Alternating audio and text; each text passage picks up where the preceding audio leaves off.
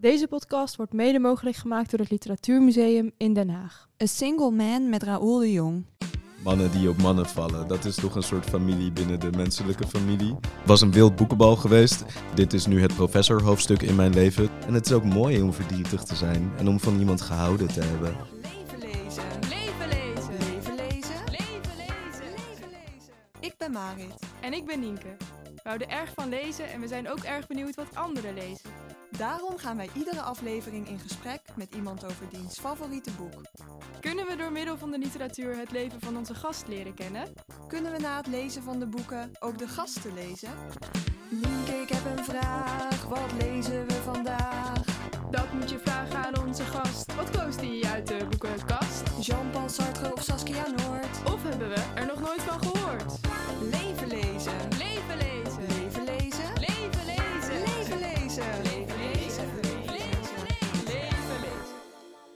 We zitten midden in de feestvreugde tussen kerst en oud en nieuw. Ja, en om de feestvreugde nog iets te vergroten, is er nu ook nog een nieuwe aflevering van onze podcast. Ja, ik denk dan, wat wil een mens nog meer? Ik zou het niet weten. Onlangs spraken we met Raoul de Jong, bekend van Jaguarman en het Boekenweek-essay Boto Banya. Ja, en we troffen hem in het voor ons zo vertrouwde Groningen, want daar was hij gastschrijver aan de universiteit. En niet lang daarvoor was hij dat ook in Amerika, in Idaho, met een aantal andere schrijvers om daar colleges te verzorgen. Naar eigen zeggen zit Raoul in zijn professor-era. En hij koos voor een boek dat daar goed bij aansluit, want het hoofdpersonage in A Single Man van Isherwood is ook een professor. Ja, en het is ook best een bijzonder boek, want het kwam uit in de jaren 60 en het gaat over een homoseksuele man van wie de geliefde overlijdt in een auto-ongeluk. En homoseksualiteit was in de jaren 60 natuurlijk nog een heel groot taboe. En in de aflevering vertelt Raoul meer over hoe in literaire kringen werd gereageerd op Isherwood en zijn schrijven over homoseksualiteit. Leuk om te vermelden is misschien ook dat A Single Man verfilmd is. Ja, we hebben die ter voorbereiding ook nog even gekeken. Het verhaal zelf is heel mooi, maar het is ook echt een aanrader als je van cinematografisch goede films houdt. Films met goede beelden. De film kwam uit in 2007 en de regisseur heeft de stijl en sfeer van de jaren 60 helemaal goed weten te vangen. Dat doet me trouwens denken aan iets anders. Wist je dat het Literatuurmuseum al sinds jaar en dag een galerij heeft met schrijversportretten? Ja, zeker. Portretten in verschillende stijlen, verschillen, ja, uit verschillende jaren van auteurs in het Nederlandse taalgebied. Mhm. En eh, sommige in heel klassieke stijl in olieverf van bijvoorbeeld de 19e eeuwse Ina Boudjé Bakker of van de Groningse Rutger Kopland. Maar je hebt ook portretten in experimentele stijlen, zoals een portret met slechts blauwe vlakken van Cees Notenboom. Grappig. Ja, en die portretten zijn nu allemaal gedigitaliseerd, zodat je ze ook kunt bekijken op literatuurmuseum.nl slash literatuurlab. Roel de Jong vind je daar helaas nog niet, maar gelukkig kun je nu wel naar hem luisteren. Heel veel plezier met onze laatste aflevering van 2023 en hopelijk tot volgend jaar.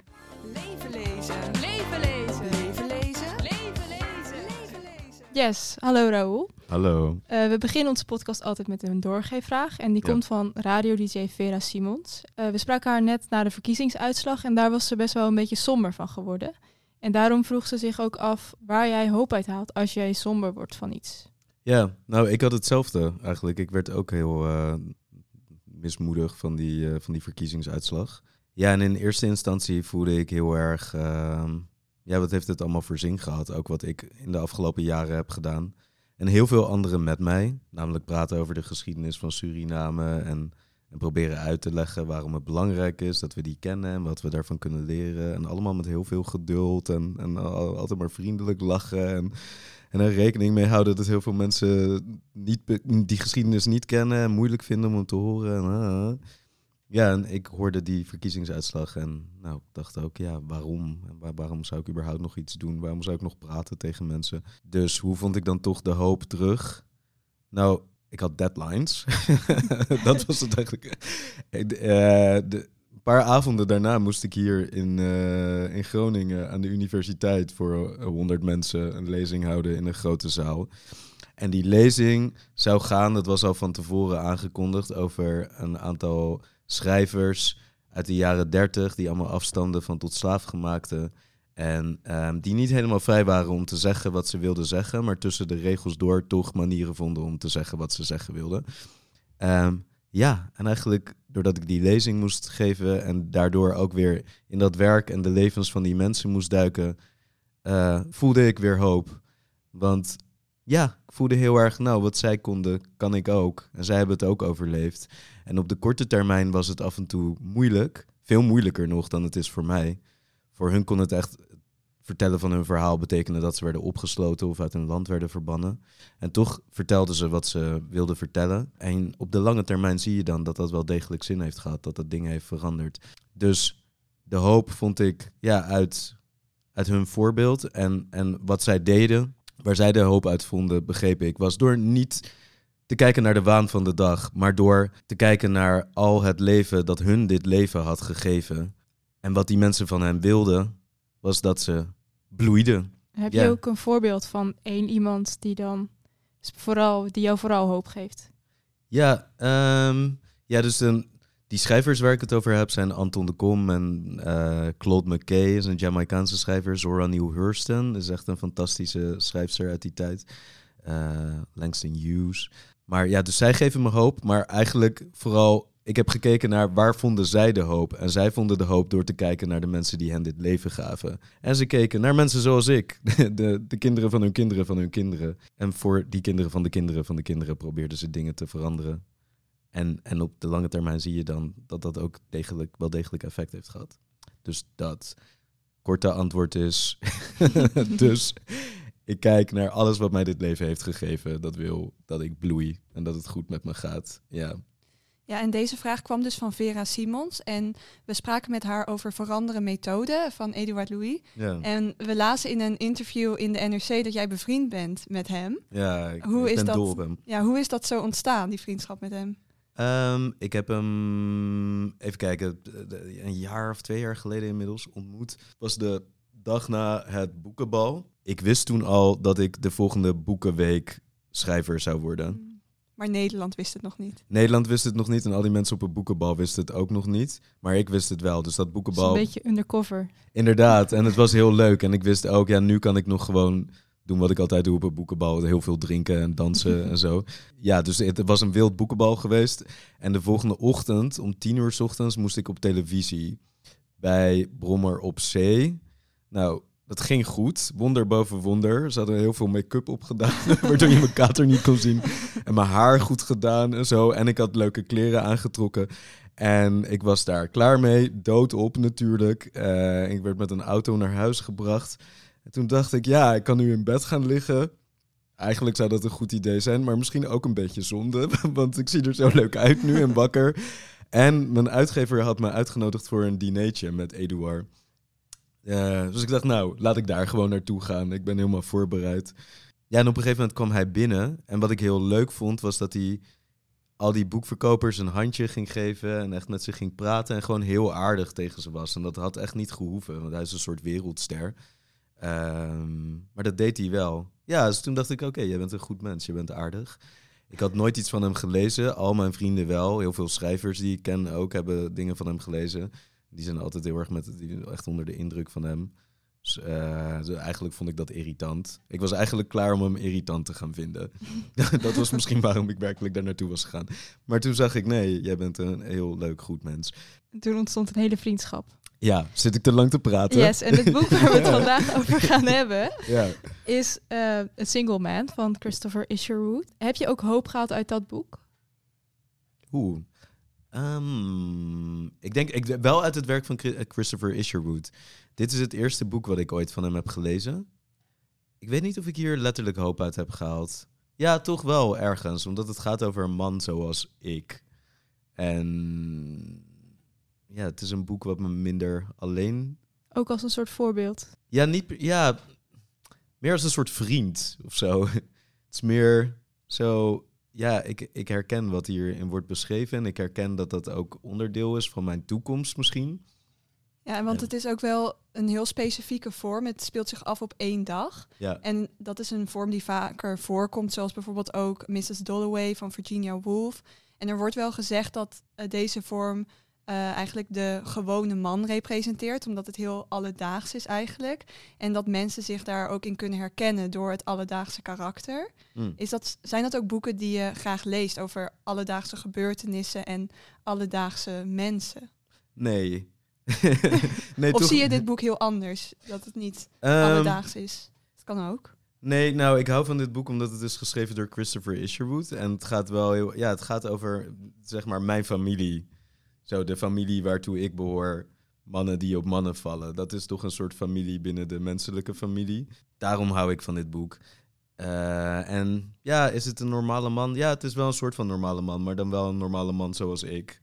Mhm. Zo. Eh, wat misschien wel heel bijzonder aan dit boek is, is dat het in de jaren 60 is uitgekomen. ja. En toen was het homohuwelijk bijvoorbeeld in Amerika nog helemaal niet gelegaliseerd. Dus het was waarschijnlijk best wel een taboe. Weet je daar ook iets over, over of dat toen een taboe was? Of? Ehm, ik denk, nou, dat weet ik niet helemaal 100% zeker. Ik weet wel, Christopher Isherwood, die heeft, ik heb alles gelezen van Christopher Isherwood eigenlijk. En ik hou heel veel van Christopher Isherwood.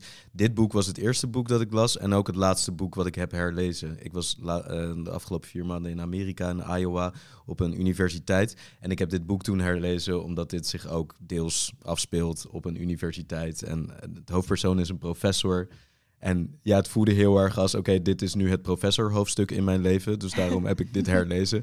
Ehm, even kijken, wat was de vraag nou ook weer? Oh, of het taboe was. Nee, nou, ik weet dat eh, Christopher Isherwood in zijn eerste werk, in de jaren 30 is hij begonnen met schrijven, speelt homoseksualiteit geen rol, maar tussen de regels door wel. Je kan het wel, als je, als je het weet, dan zie je het, dan kun je het erin herkennen. Eh, maar op dat moment ja, was het te gevaarlijk of te, te, te eng om daar open over te zijn. Ehm, en ik weet dat hij op een gegeven moment heeft besloten om er gewoon wel open over te gaan zijn. En dat het wel echt een risico was. Ehm, en dat het ook betekende dat hij ja, niet helemaal serieus meer werd genomen. Dus niet dat hij in elkaar werd geslagen of zo. Of, of, of allemaal gecanceld werd of zo. Dat is hem niet overkomen voor zover ik weet. Maar het betekende wel dat hij in literaire kringen niet helemaal serieus meer werd genomen. En dat hij een soort niche-schrijver werd. Ja, die altijd wel is gelezen door de geheime familie, zeg maar. Door mensen zoals ik. Ehm, ja, dus dat, dat, dat weet ik erover. Ja, je zei net al dat je in je professor-era bent. Ja. Eh, en hij is, George is professor en in zijn colleges heeft hij het dan wel over het verschil tussen minderheden en grotere homogene groepen. ja. Eh, en dat die verschillen vaak genegeerd worden. Dus dat er wordt gezegd dat zwarte mensen gelijk zijn aan witte mensen, bijvoorbeeld. En hij vindt in de jaren zestig dus dat dat eigenlijk maar een hippe gedachte is en dat je dat verschil juist wel heel duidelijk moet maken. Hm. Ehm, omdat er wel duidelijke verschillen zijn tussen zwarte mensen en witte mensen. En wat vind jij daar dan van? Ik vind het lastig, want ik ben het, ik ben het een beetje allebei. Ik ben, mijn vader komt uit Suriname, is zwart, ook alweer gemengd. Er zit ook iets Chinees in, inheems. En, maar ja, aan de buitenkant zie je dan vooral zwart. En mijn moeder is wit. Ik, ik, ik weet wel dat die culturen, zeg maar, de Nederlandse cultuur en de Surinaamse cultuur, dat die heel verschillend zijn. Maar ik voel ook dat beide culturen iets van elkaar kunnen leren. Eh, Ja, en dat is wat ik wel moet doen, want ik ben het allebei. Dus ik probeer het beste van allebei te nemen en dat dan in mezelf te verenigen. Dus ja, ergens is het goed dat er verschil is. Het is niet zo dat iedereen Nederlands zou moeten worden. Bijvoorbeeld, dat zou echt heel zonde zijn als alle Surinamers Nederlands zouden worden. Ehm, want er is van alles wat Nederlanders van Surinamers zouden kunnen leren. Ja, het is ook voor de juist in- duidelijkheid, hij zegt niet dat ze niet gelijk aan elkaar zijn. Maar Nee. zegt wel dat je de verschillen juist wel moet Benoemen meer. benoemen. Ja, ja oké, ja, je, je moet ze benoemen, maar tegelijkertijd moet je ook niet het gevoel hebben dat het de ander is en dat jij niks mag met, met de wijsheid van de ander. Ehm, ja, en misschien begint dat wel bij benoemen. Dat is wat die ander de ander maakt en dat is wat er mooi is aan die ander. En dat hoeft hij niet te veranderen om zoveel mogelijk als mij te worden, zeg maar. En juist daardoor zie je dan ook wat er anders is aan die ander en wat jij daarvan zou kunnen leren. Maar dat is wel het punt, wat mij betreft. Iedereen kan van iedereen iets leren. Ik ben ooit een man tegengekomen die woont bij mij in de buurt. Die is 70 jaar en die heeft zijn hele leven in dezelfde straat gewoond. Ehm, en in de, toen hij eh, in hetzelfde huis waarin hij werd geboren. En toen hij werd geboren in dat huis woonden er alleen maar witte mensen in die straat. En toen op een gegeven moment kwamen de Itali- Italianen, gingen alle andere witte mensen weg. Toen kwamen de Turken, gingen de Italianen weg. En deze man is daar altijd gebleven. En hij zei, ja, iedereen was steeds bang voor de nieuwe groep die binnenkwam. En ik niet, en daarom bleef ik. Eh, en het mooie is dat hij daardoor van alles had geleerd. Dus hij kookte Surinaams, hij sprak Chinees, hij mediteerde voordat hij ging slapen. Eh, ja, hij was een soort, hij was al die dingen geworden.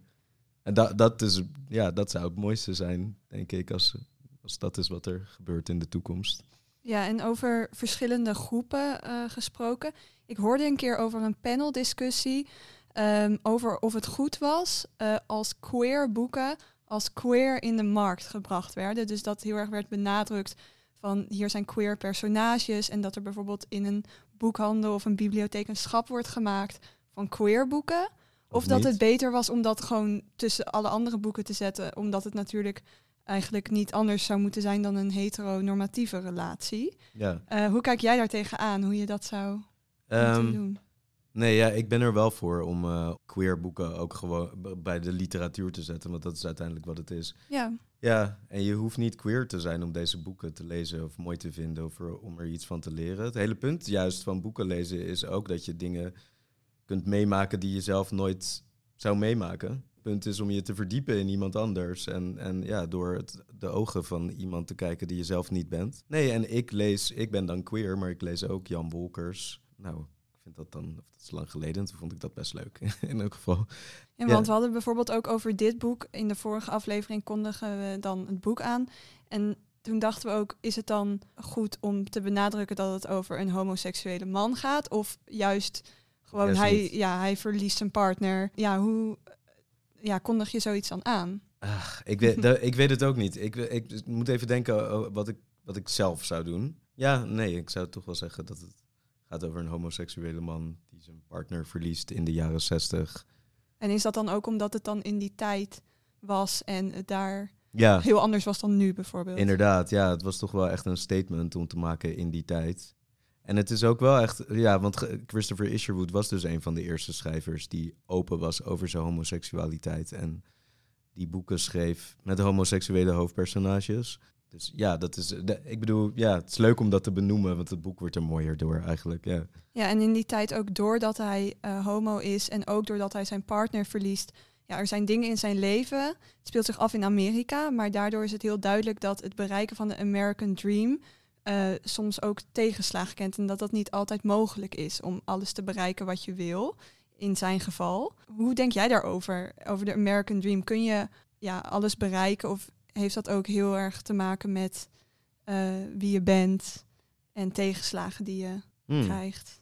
Hoe denk ik over de American Dream? Oké, ik denk, wat ik me vooral kon herinneren uit dit boek was een scène waarin hij langs oceaan rijdt. Hij rijdt door de Los Angeles en hij kijkt dan naar ja, hoe dat er werkelijk uitziet. En ook hoe goedkoop Amerika dat landschap, dat prachtige landschap heeft gemaakt.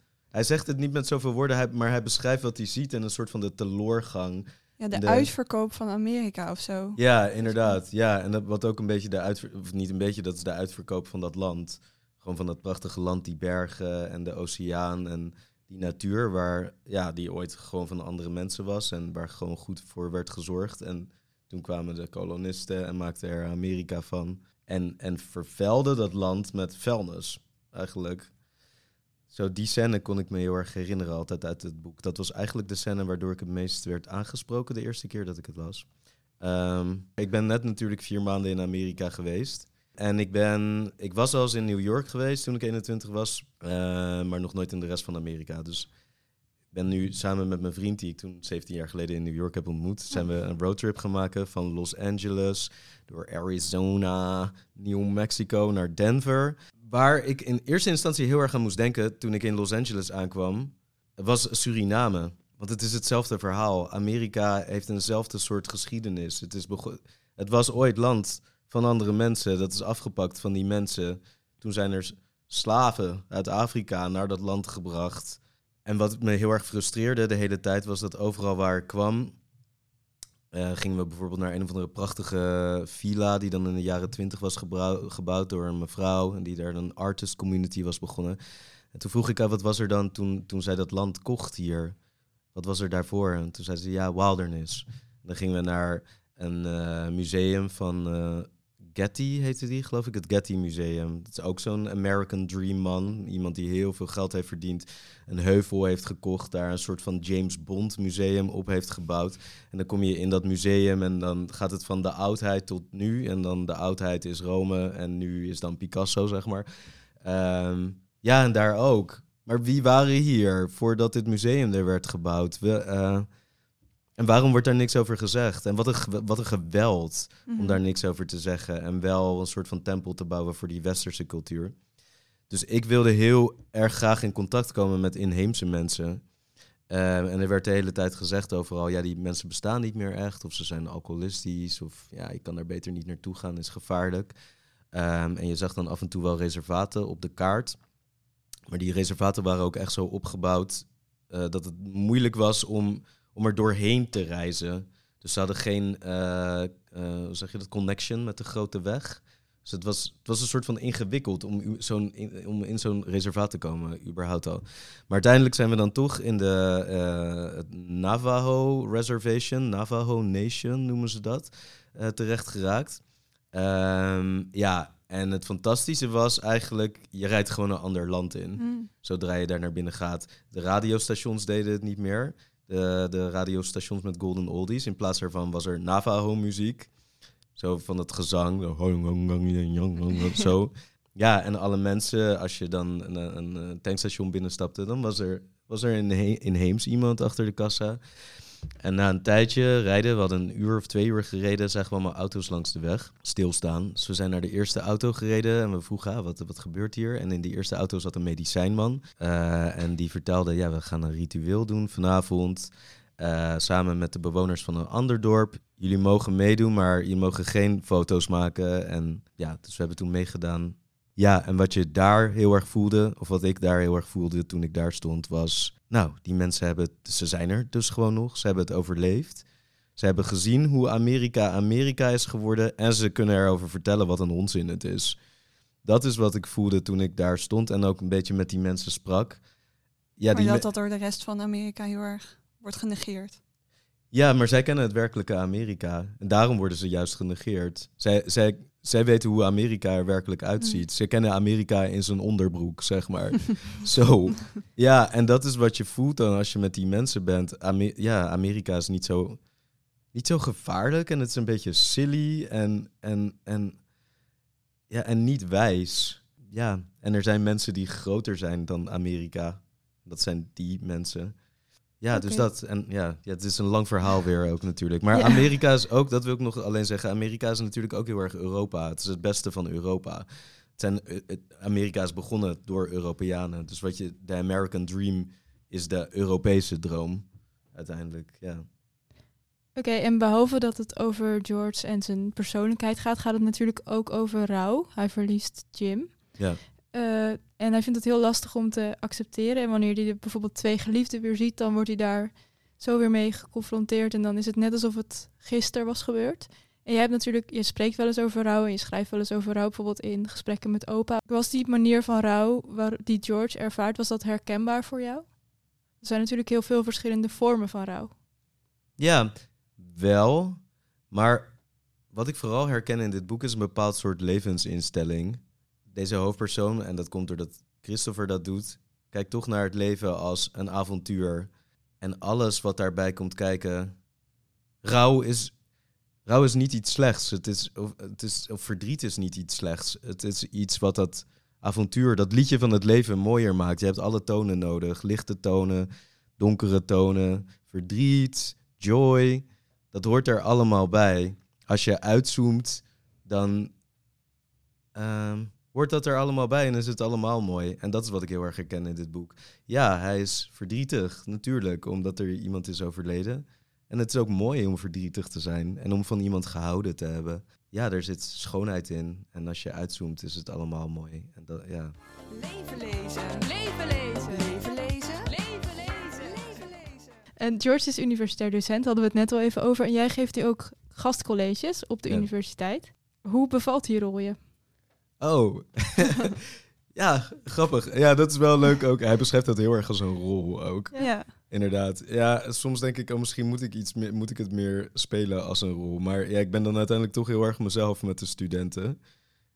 Maar dat hoeft toch niet iets ergs te zijn? Dat kan toch juist ook je kracht zijn? Ja, inderdaad. En dat is ook mijn kracht, denk ik. Ja, dus, eh, maar ik heb wel een corduroy pak.